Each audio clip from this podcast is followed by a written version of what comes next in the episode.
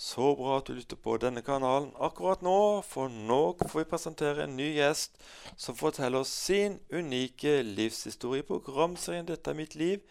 I dag skal du få møte en mann som var ateist, som så gikk inn i det alternativet, og i dag er han pastor i pinsemenigheten Philadelphia Bodø, som jeg, Jørgen Reinersen, befinner meg i akkurat nå. Velkommen som gjest i Dette mitt liv, Olav Skogøy. Ja, tusen takk, Jørgen.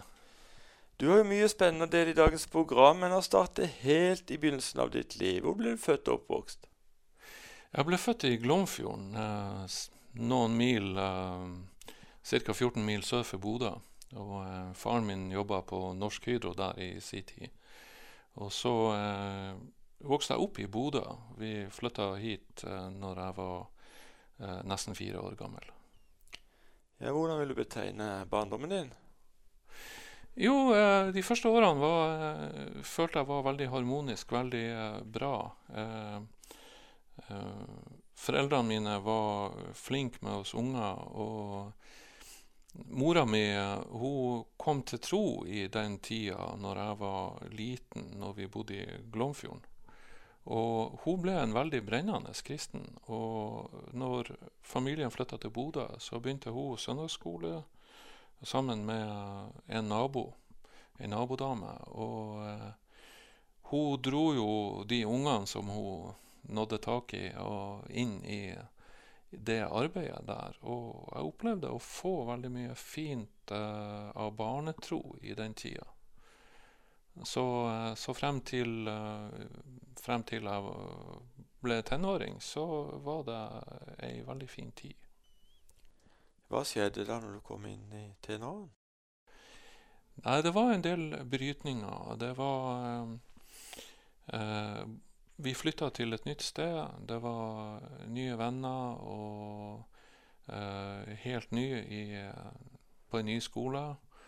Og samtidig så opplevde jeg unger som eh, var litt eldre enn meg, som eh, begynte å plage meg og mobbe meg. Og eh, det tok veldig mye selvtillit, og det ødela mye av mitt selvbilde.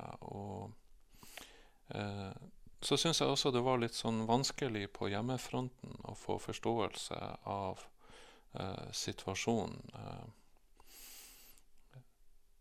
Eh, Sånn at uh, det, dette med å, å, oppleve sånne tøffe ting uh, Der var det Det ble stilt så mange spørsmålstegn. De var så usikre på ja, er, har du gjort noe galt. Har du gjort noe for at dette skulle skje?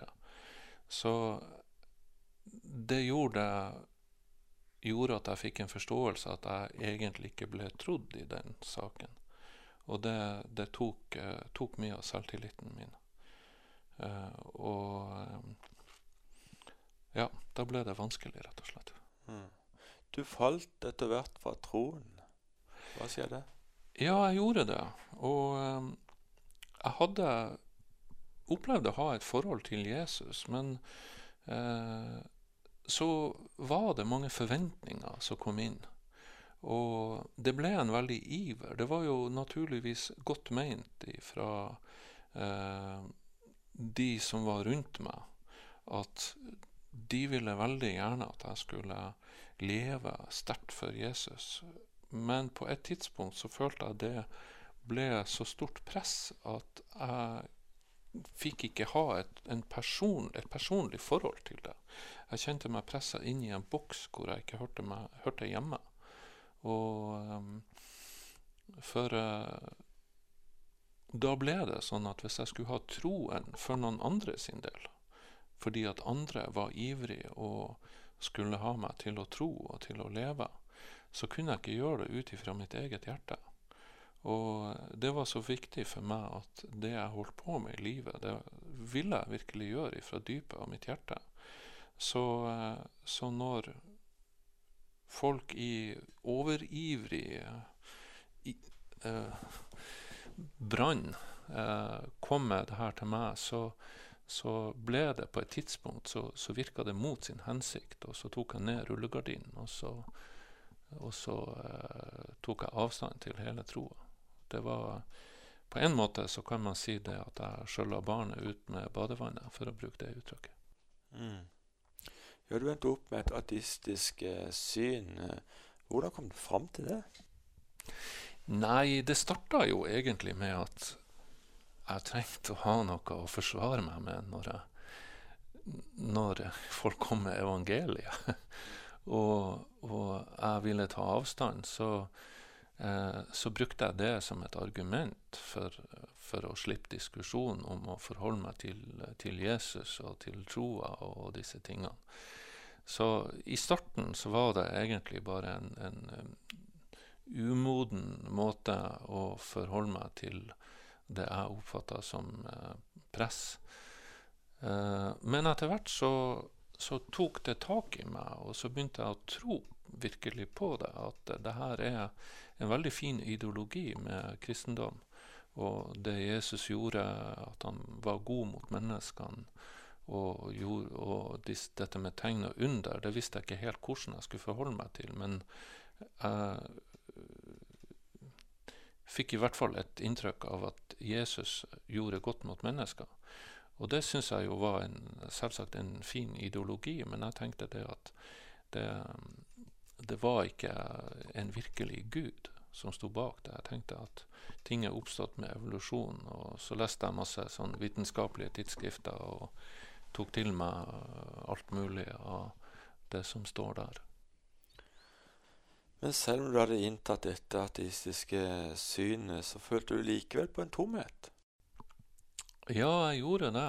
Uh, selv om det klødde i øret på mange måter, uh, så var det en lengsel i mitt hjerte etter det som er sant i livet. Og uh, jeg søkte etter ting som kunne gi meg noe. En følelse av å bety noe, en følelse av å gjøre en forskjell i verden. Og jeg ville ha tak i det som eh, kunne gi meg glede i livet. Og mange ting når jeg var ute på byen i lag med jevnaldrende ungdommer og festa og drakk meg full, så var det kanskje artig akkurat der og da, men eh, så kommer det en blåmandag. Og så kjenner man over tid at et sånn type liv, det er eh, Da angrer man en del ting man gjør, og man kjenner at det her tilfredsstiller ikke over tid. Og eh, Så jeg ble søkende eh, på noe mer enn det. Og på et tidspunkt så var det en klassekamerat som jeg hadde gått på skolen i med, som eh, snakka veldig varmt om meditasjon.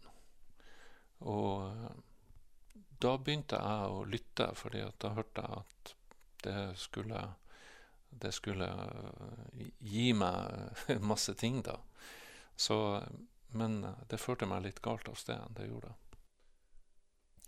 Ja, altså Du fikk vel da informasjon om at du skulle kunne konsentrere deg bedre, slappe av. og Du skulle løse opp for stress, og du skulle bli et mer harmonisk menneske. Det høres jo veldig flott ut, men opplevde du det?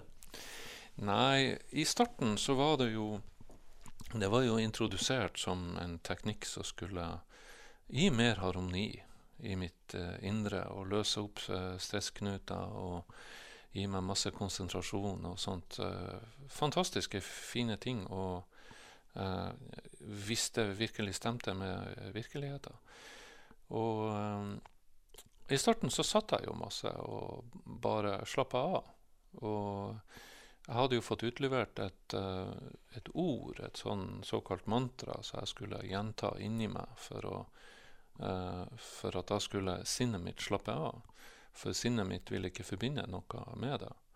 Og men i starten så, jeg ikke, så brukte jeg ikke det der mantraet så mye. Men da satt jeg bare og slappa av. Og, og, det kan være fint å ta seg eh, ei tid på dagen og slappe av. Men etter hvert så begynte jeg å bruke dette mantraet mer og mer. Og da merka jeg at jeg ble mer og mer bundet. Jeg skjønte ikke helt uh, hva det var i starten. Jeg tenkte at nå mediterer jeg feil. Og, uh, sånn at jeg tenkte at da må jeg jo bare gjøre gjøre det enda mer. Uh, men det førte meg bare inn i en ond sirkel, sånn som jeg opplevde det. og det som var veldig rart med det hele, det var jo det at det også kom eh, krefter inn i bildet som jeg ikke hadde vært borti før. Jeg kunne enkelte ganger jeg kunne tenke på mennesker, og det var akkurat som jeg så gjennom dem. Og eh, mange av vennene mine fra den tida de sa det at det var veldig rart å være i lag med meg på den tida. For det var akkurat som jeg så tvers igjennom dem. Og det var Jeg husker en gang jeg gikk bak en mann på gata, og da var det Det var akkurat som jeg så rett inn i sjela hans og visste hvilken person han var. Og jeg hadde aldri sett han før. Og plutselig så bråstopper han, og så snur han seg rundt, og så ser han meg rett i øynene. Jeg hadde ikke sagt en pip til han. Jeg gikk to meter bak han.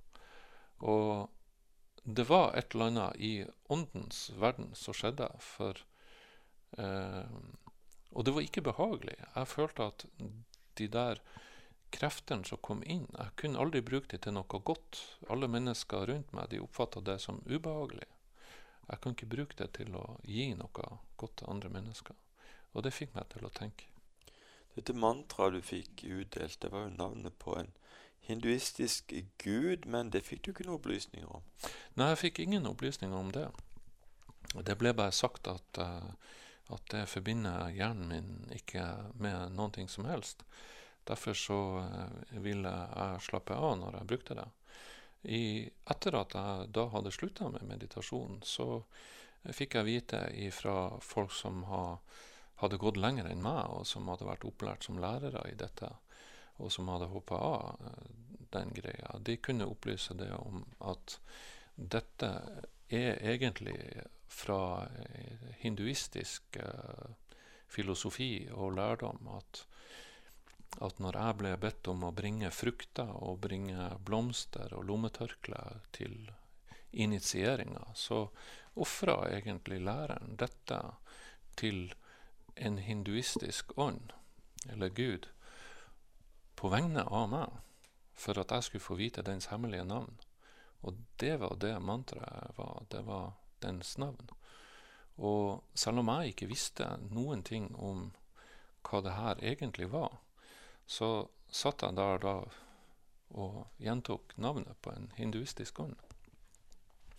Og i ettertid, når jeg forsto det her, så ga det meg jo forklaringer på hvorfor jeg opplevde tøffe, vanskelige ting i den tida, og hvorfor, hvorfor jeg på en måte mista min personlighet. Jeg følte det at jeg ble bundet. Jeg fikk ikke Jeg kom ikke i kontakt med dypet av mine følelser. Jeg ble på, på et nivå som, som verken svinga opp eller ned. Men, men kontakt med følelsene mine, det, det forsvant mer og mer ut. Mm. Hjemme så satt det mor og ba for deg. Hun gjorde det. og det er jeg så takknemlig for. For eh, når vi ber til Gud, så frigir vi hans hender til å gjøre under med mennesker. Eh, jeg husker ei, ei dame som var veldig god venn med min mor. Og hun hadde, etter at hun ble frelst, så hadde hun spurt til Gud Hvorfor meg? Hvorfor frelste du meg? Og da hadde Gud helt tydelig sagt til henne fordi at du hadde en, en bestemor eller bestefar som ba for deg. Og det opplevde jeg når mora mi ba. Så skjedde det ting. Hun, det siste halve året før jeg ble frelst, så ba hun og fasta hver mandag. Hun ba jo jevnlig hver dag, men hver mandag så fasta hun i tillegg for meg. Eh, og det tror jeg var veldig mye kraft i det. Eh, på et tidspunkt når hun opplevde at jeg begynte å bli litt mer åpen eh, for åndelige ting og snakke om åndelige ting, så glapp det ut av henne. 'Olav, må tro om ikke du blir kristen en dag.' Og da svarte jeg jo 'Nei, aldri om jeg kommer til å bli kristen'. Uh, men da var jeg jo overbevist om dette med meditasjon. Men et halvt år etterpå så kom jeg hjem, og så fortalte jeg henne at jeg hadde møtt Jesus. Fantastisk. Ola, du var ateist, og senere ble det meditasjon. Men så fikk du et møte med Jesus. Skal du fortelle lytterne hva som skjedde? Ja, eh, jeg gjorde det. Eh, jeg hadde, som jeg tidligere har nevnt, uh, ei mor som ba for meg.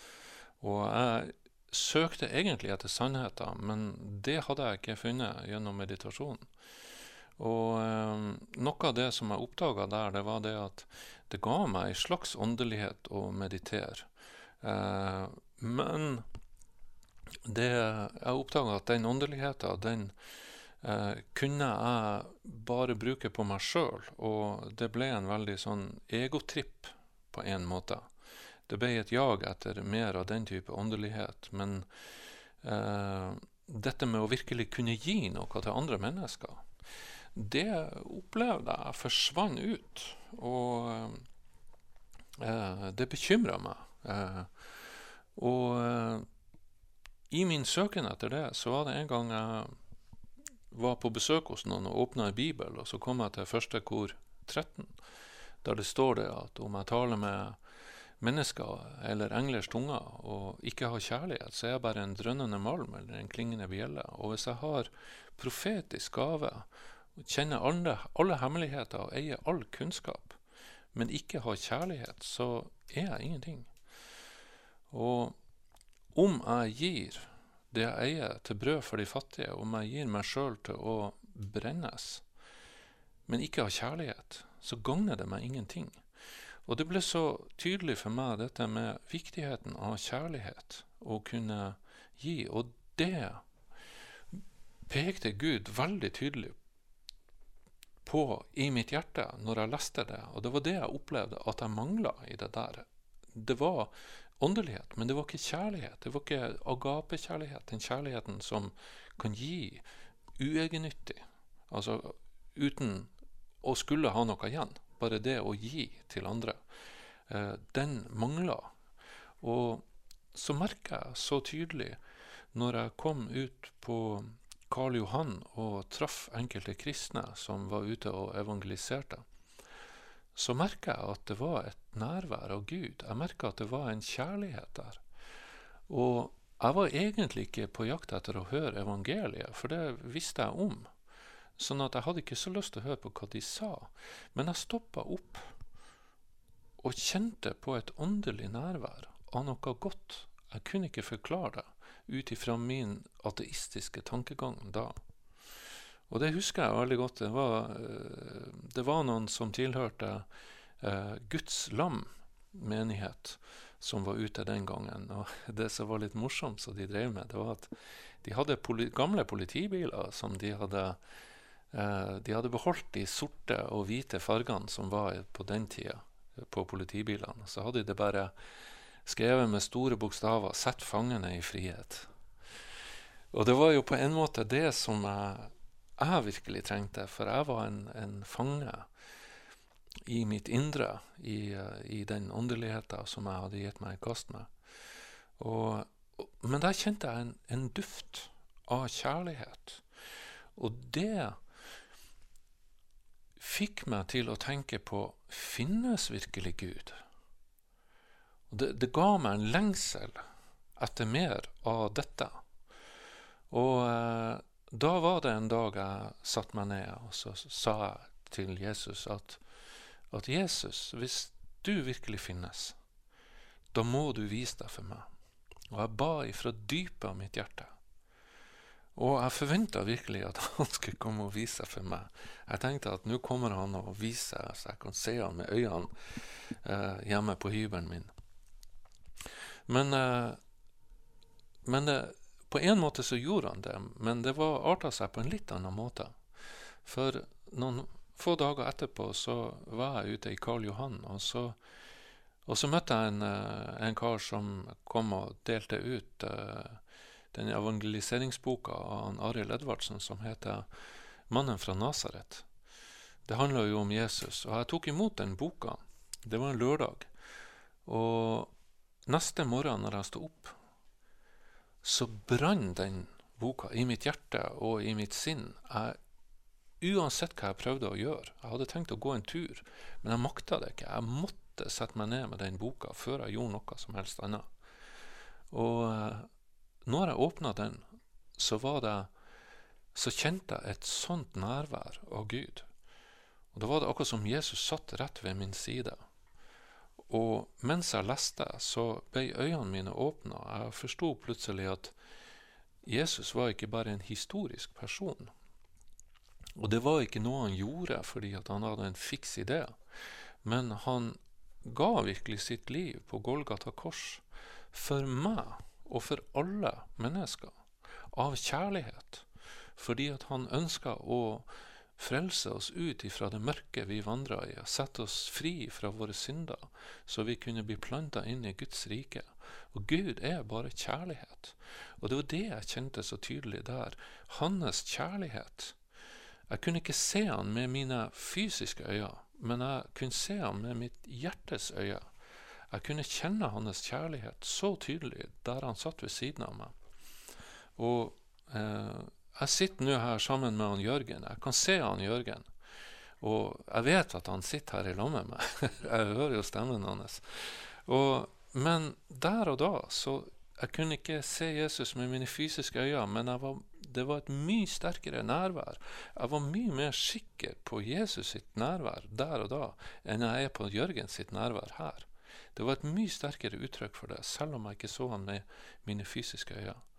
Og da brast jeg i gråt, fordi at jeg kjente så tydelig at ja, dette gjorde du av kjærlighet for meg. Dette gjorde du for meg. Og da, den dagen da, så ga jeg mitt liv til Jesus. Jeg kom Eh, det var en sånn Oslo-aksjon med han Arild Edvardsen eh, den uka. Og, og, jeg tror det var siste dagen som, eh, som, de hadde møter da. Så da for jeg på møte samme kveld, og da gikk jeg frem når det, eh, når det var forbønn. Og, og jeg, jeg ba Jesus om å hjelpe meg. Og han, han hjalp meg. Han kom inn i mitt liv, og han, eh, han vaska meg ren i mitt hjerte. Fantastisk. Men likevel, etter du ble en kristen og tok imot Jesus, så hadde du ganske så store kamper. Hva skjedde? Jo, det var, det var veldig tungt. Det var en åndelig kamp, for jeg hadde, jeg hadde gjennom den meditasjonen jeg hadde holdt på med, så hadde jeg åpna meg opp for åndelige krefter som ikke har noe med Gud å gjøre. Som vi kaller for mørkets krefter, og som, som tilhører Satans verden. Og eh, når jeg kom til tro, så, så vaska jo Jesus meg rein. Jeg ble tilgitt alle mine synder, og jeg kjente virkelig at det hadde skjedd noe på innsida av mitt hjerte. Eh, men gjennom det jeg hadde gjort når jeg mediterte, for da, da hadde jeg jo påkalt navnet til, til en av disse åndene til, eh, som som er beskrevet i hinduismen, som mantraet var navnet på. Og den hadde lagt bånd rundt hjertet mitt. Så det båndet, det opplevde jeg var der ennå. Og det var akkurat som Jeg kan bruke et bilde som jeg husker fra barndommen. Jeg gikk langs et jorde, og så hadde en bonde satt opp en uh, et gjerde. Og da hadde han hengt opp en, en, en, en, stålstreng rundt et tre. For det sto et tre så beleilig der, så i stedet for å slå ned en gjerdestolpe, så brukte han treet som gjerdestolpe. Og så var det gått mange år, og treet hadde vokst. Men den ståltråden som gjerdet hang på, som var snurra rundt treet, det hadde ikke gitt etter. Så det hadde gravd seg dypere og dypere inn i barken og inn i treet etter hvert så treet vokste. Og det var sånn jeg følte hjertet mitt, at Gud hadde, hadde eh, født på nytt et liv inne i hjertet mitt. Hans type liv. og jeg var nå et Guds barn. Men det båndet lå ennå rundt hjertet mitt, så når hjertet mitt vokste, så, så pressa det på det båndet der, og det ble en veldig smerte.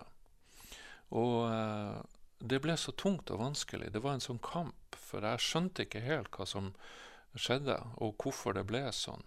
Jeg hadde veldig tunge stunder i den tida. Mange ba for meg, og tilsynelatende så kom Guds nærvær, men, men det var akkurat som han fylte på, og så lak det bare ut i neste øyeblikk.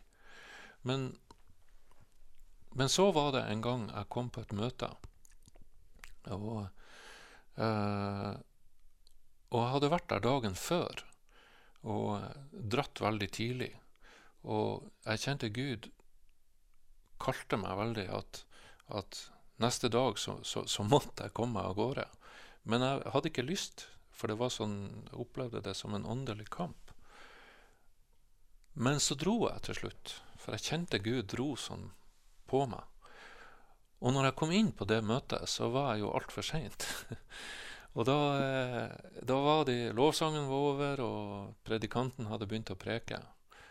Og med det samme han så meg når jeg åpna opp døra og skulle liste meg inn og sette meg på bakerste benk, så sier han 'du'.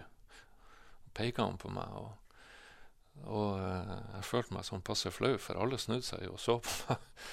Og så sier han 'du var her i går', og da hadde Gud talt til meg om at jeg skulle be for deg. Og før jeg var ferdig å preke, så var du forn. Så nå vil jeg ikke ta sjansen på at du stikker av gårde igjen. Så kan jeg få lov å be for deg her og nå? Og eh, da avbrøt han hele prekena, og så kom han ned og ba for meg før jeg fikk satt meg.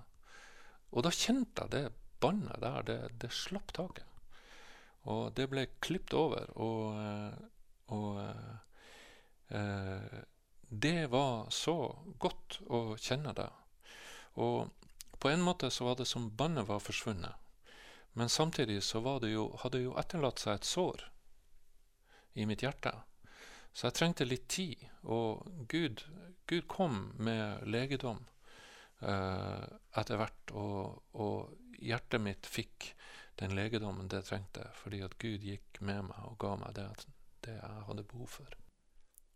Olav, du har delt mye. Blant annet så var du jo da en um, ateist. Men mens du da hadde disse tankene om å være ateist, så, så ble jo din mor helbreda. Og det, da begynte du å tenke litt Kan det være noe mer, kanskje? Jo da, jeg gjorde det. Det var litt forunderlig, det der. For um, min mor, hun, uh, hun fikk hjerteproblemer.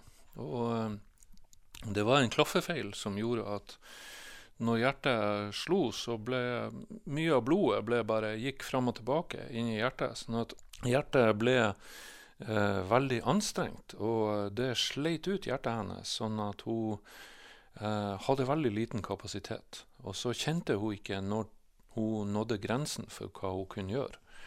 Dermed så eh, opplevde hun mange ganger at eh, hjertet gikk over i flimmer, og hun, hun nærmest kollapsa. Og det var mange ganger at vi holdt på å miste henne. Det var ganger hun ble henta med snøscooter. Hun likte å, å, å, være ute i skog og mark. Og uh, Røde Kors var og henta henne etter at hun kollapsa opp, opp, i marka. Og En annen gang ble hun henta med helikopter, og andre ganger så kom sykebilen hjem til oss og henta henne. Og Det var en stor uvisshet om, om uh, hun en dag uh, gikk for langt. og og bikka over og, og mista livet. Og uh, hun var satt opp på uh, en operasjon i Tromsø.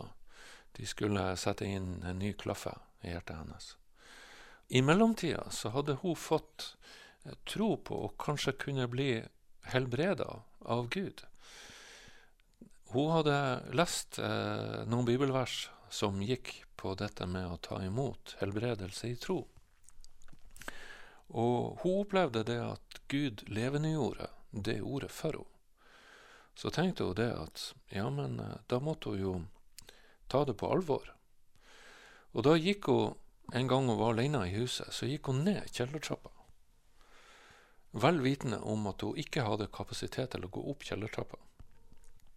For da ville hun kollapse. Hjertet ville kollapse av en så liten anstrengelse.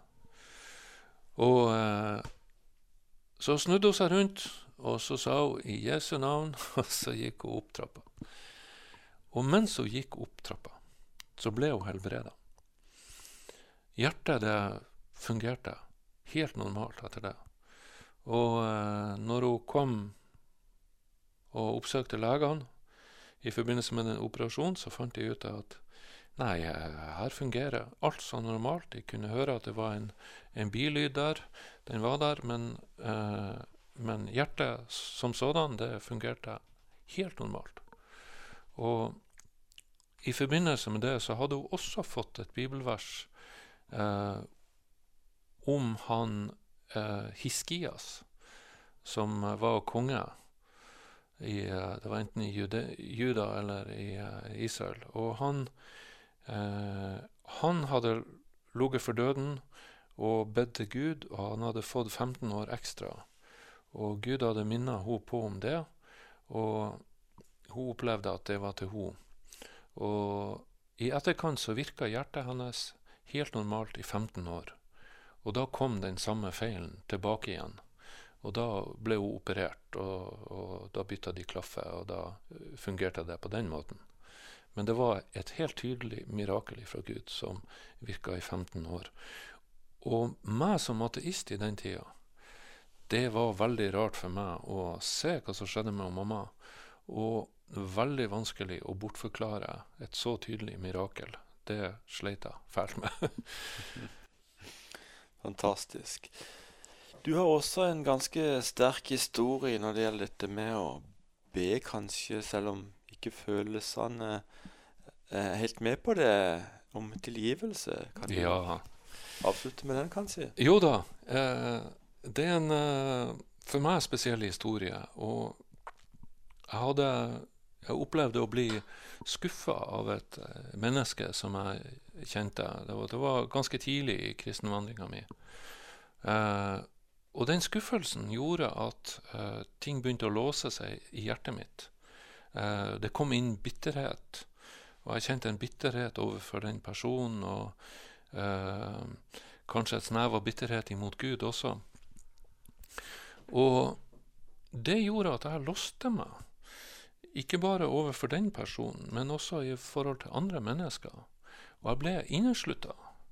Det, det livet som Gud hadde lagt på innsida av mitt hjerte, det pulserte ikke lenger. Jeg var ikke i stand til å gi videre av de gode tingene som han har planta inni meg. Og, og det var en veldig, veldig ekkel tid. Og jeg, jeg kjente det veldig, veldig vanskelig. Og jeg ropte på Gud, og jeg ba om hans hjelp. Og, eh, og det gjorde jeg også. Han, han kom med, med nåde til meg og viste meg at jeg trengte å tilgi. Og eh, jeg prøvde å tilgi, og jeg ba til han tilgi det mennesket her, tilgi meg, fordi at jeg går og bærer på det her. Men allikevel så var det kjempetungt. Og eh, så kjente jeg det at jeg skulle bare be for denne personen. Om at Gud skulle velsigne den personen. Og så gjorde jeg det. Så begynte jeg å be. Og jeg kjente ubehag i starten. Det var vanskelig.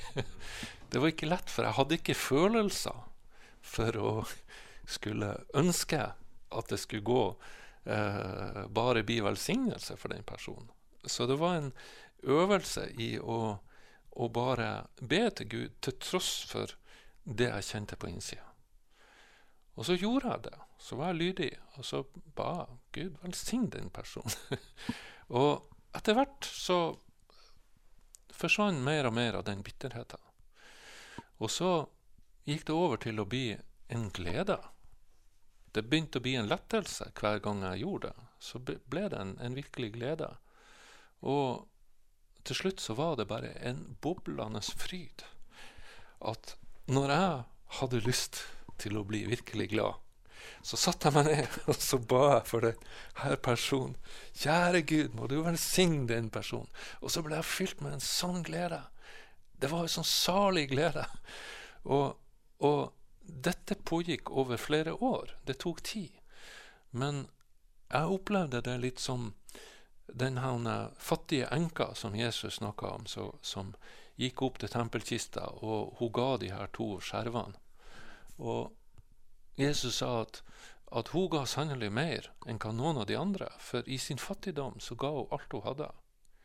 Det kommer ikke an på hvor mye vi har, men det kommer an på hva vi gjør med det vi har. Jeg følte ikke at jeg hadde noe å gi da på en måte. Det var så lite. Det var ingenting glede i det i starten. Men bare i lydighet imot Han så ba jeg med min munn om at Gud skulle velsigne vedkommende. Og det brøt bitterheten.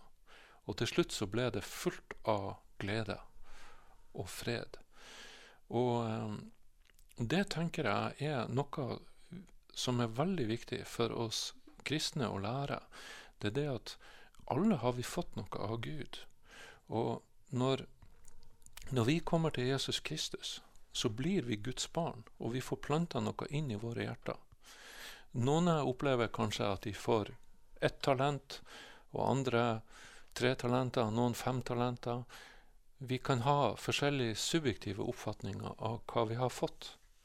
Men hva vi enn har fått, enten det er lite eller mye, så trenger vi å bruke det. Vi trenger å gi videre av det vi har fått. Veldig godt sagt, Olav. Vi er kommet til slutten av dette programmet. Kan du be en bønn for lytterne? Ja. Himmelske Far, jeg takker deg for alle dem der ute som sitter og hører på dette programmet nå. Herre, jeg ber om at du må gi deres hjertes øye lys, Herre. Herre, åpenbar du din kjærlighet for dem, Herre. Herre, jeg ber om at du lar dem få kjenne på hvem du er, Herre. Og så ber jeg om at du fyller dem med den krafta de trenger, Herre. Og hvis det er noen der som ikke er frelst, Herre, hjelp du dem til å ta imot deg. Og bekjenn det står jo det at hvis du bekjenner med din munn at Jesus er Herre, så skal du bli frelst. Så det vil jeg oppfordre deg til å gjøre hvis du ikke har bekjent Han som Herre. Og Herre, jeg ber om at du fører alle de ufrelste inn til deg, Herre, at du vasker dem rein i ditt blod. Og så ber jeg om at du fører oss alle sammen inn i det kallet som du har gitt oss. I Jesu navn. Amen. Amen. Ola Skogøy, hjertelig takk skal du ha for du takka ja til å være gjest i Dette mitt liv. Må Gud rikelig velsigne deg, din familie og ditt virke i årene fremover. Tusen takk. Kjære lytter. Kanskje du skal handle på det Olav nettopp ba om. Nå er tiden inne til å invitere Jesus inn i ditt liv. I Johannes evangelium kapittel 1 vers 12 og 13 står det i Hverdagsbibelen. Hver og en som tror på Hans navn og velger å ta imot ham, altså Jesus, den ga han rett til å bli Guds barn. De vil bli født på ny, ikke med en fysisk kropp, men i sin ånd som en Guds skapning. Så hvis du vil ta dette valget i dag, kan du be denne bønnen etter meg. Jesus, jeg kommer til deg nå slik som jeg er. Tilgi meg for mine synder. Jeg tar imot deg som min Herre og Frelser i livet. Takk at jeg nå kan kalles et Guds barn fordi ditt ord sier det. Vi vil svært gjerne komme i kontakt med deg som ba denne bønnen, så vi kan sende deg et Nytestamente sammen med litt annen litteratur. Og om du ønsker det, setter vi deg veldig gjerne i kontakt med en menighet der hvor du bor. Du kan kontakte meg, Jørgen Reinersen, på Facebook eller på vår hjemmeside 9010.no. Dette staves slik n-i-t-t-i e0.no. Her finner du også tidligere programmer i denne serien, samt en del videoer fra våre arrangementer. Neste uke er vi tilbake på samme tid og på samme kanal med nye gjester i denne programserien som heter Dette er mitt liv. Vi takker så mye for i dag og ønsker deg det beste av alt, kjære lytter Guds velsignelse.